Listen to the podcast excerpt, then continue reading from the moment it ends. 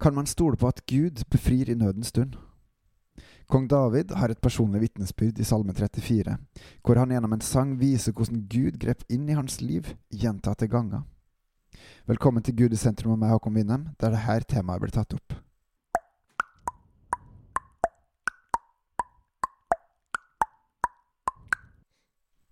Vi leser av David da han oppførte seg som en vanvittig for Abimelek, som jaga han fra seg, og han dro bort. En litt rar start på en salme, men greia var at eh, fra slutten av første Samuels bok, kapittel 18 og utover, så var det slik at kong Saul, som var kongen før eh, David, han var misunnelig og etter hvert ganske bitter på David. Over flere anledninger så prøvde han å drepe han, og til slutt så valgte David å flykte.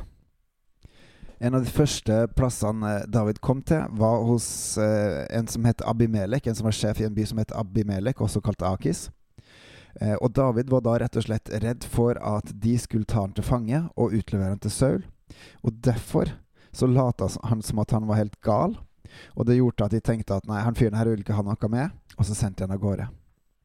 Så samtidig som David stoler fullt og helt på Gud, at Gud skal befri han og Gud har hånd om hans liv, så gjør også David sjøl det han tenker at han trenger å gjøre for å klare seg i hverdagen. Jeg vil love Herren til hver tid, hans pris skal alltid være i min munn, sier David i vers 2. Legg merke til den store kjærligheten fra David til Herren.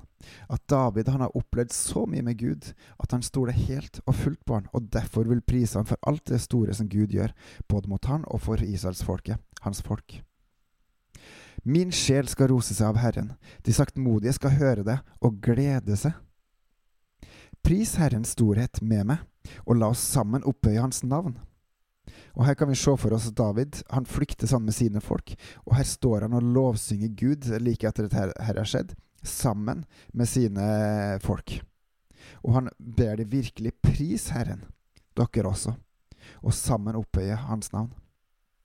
Så sier han, Jeg søkte Herren, og han svarte meg, han fridde meg fra alt det som forferda meg. De så opp til ham og strålte av glede, og deres ansikt rødma aldri av skam. Denne elendige ropte, og Herren hørte, han frelste han ut av alle hans trengsler. Det er en ganske heftig påstand at Herren frelser av absolutt alle trengsler. Her står David og har kommet seg vekk fra en som vil ta livet av han, og vi kjenner historien. Sannsynligvis at Saul han ga seg ikke med det. Han prøvde rett og slett flere ganger å ta livet av David. Han, han faktisk også forfulgte David for å se om han klarte å ta livet av han. Så oppildna var den eh, bitterheten i eh, Saul. Og likevel så sier David at Herren frelser han, at han er trygg hos Herren. Og det ser vi faktisk igjen flere ganger i livet hans også, til David, at David gjør gode ting, og David gjør onde ting, men han har helt i et hjerte for Herren og omvender seg hele til, til Herren. Og derfor så kjenner han også at han er trygg, og at Herren tar seg av han. Herrens engel slår leir omkring dem som frykter han, og han utfrir dem. Så Herrens engel, han passer rett og slett på de som er Gud sine, og han utfrir dem. Han befrir dem ut av trengsler. Og hvordan kan David si det her? Han sier i vers 9.: Smak og se at Herren er god. Salig er den mann som tar sin tilflukt til han. Smak og se at Herren er god. Jeg tror rett og slett at David har opplevd Gud på så mange konkrete måter at han sier hei, smak du også, og se at Herren er god. Hos Han er du trygg. Og det er nettopp det han vil at du som hører på, at vi som hører på, også skal kjenne. At Herren er god. Så smak og se det sjøl. Frykt Herren, dere Hans hellige. De som frykter Han, mangler ikke noen ting. Unge løver lider nød og sulte, men de som søker Herren, skal ikke mangle noe godt sa David. Kanskje er det naturlig å trekke inn eh, Forkynneren og eh, Jobbs bok for å vise litt mer av eh, det fyldige bildet. Men det står her, og det står i Salmes ordspråk, at Gud han passer på sine. Han passer på og gir dem alt det de trenger. Og Jesus også sier jo at når sjøl de onde vet å gi sine unger gode gaver, hvor mye mer skal ikke da Gud gi sine egne gode gaver, deriblant Den hellige ånd? Kom, barn, hør på meg, jeg vil lære dere å frykte Herren. Hvem er den mann som har lyst til liv, som ønsker seg dager til å se lykke? Hold da din tunge fra ondt og dine lepper fra å tale svik. Vik fra ondt og gjør godt, søk fred og jag etter den. Herrens øyne er vendt til de rettferdige, og hans ører til deres rop. Og her sier David rett og slett, du bør frykte Herren.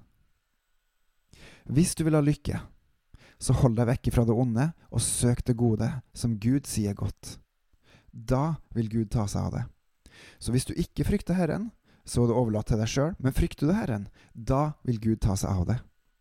En stor, stor forskjell. Herrens åsyn er mot dem som gjør ondt, for å utrydde minnet om dem fra jorda. Det rettferdige roper og Herren hører, av alle deres trengsler utfrir han den. Herren er nær hos den som har et sønderbrutt hjerte, og han frelser dem som har en sønneknust ånd.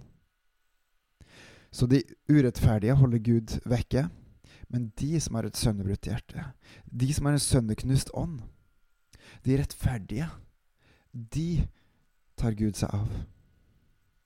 Frykter du Herren, så holder du deg til Han og det Han sier, og Han vil ta seg av det. Blir du undertrykt, blir du knust, vend deg til Herren, og Han vil ta seg av det. Og så kommer det et rart vers.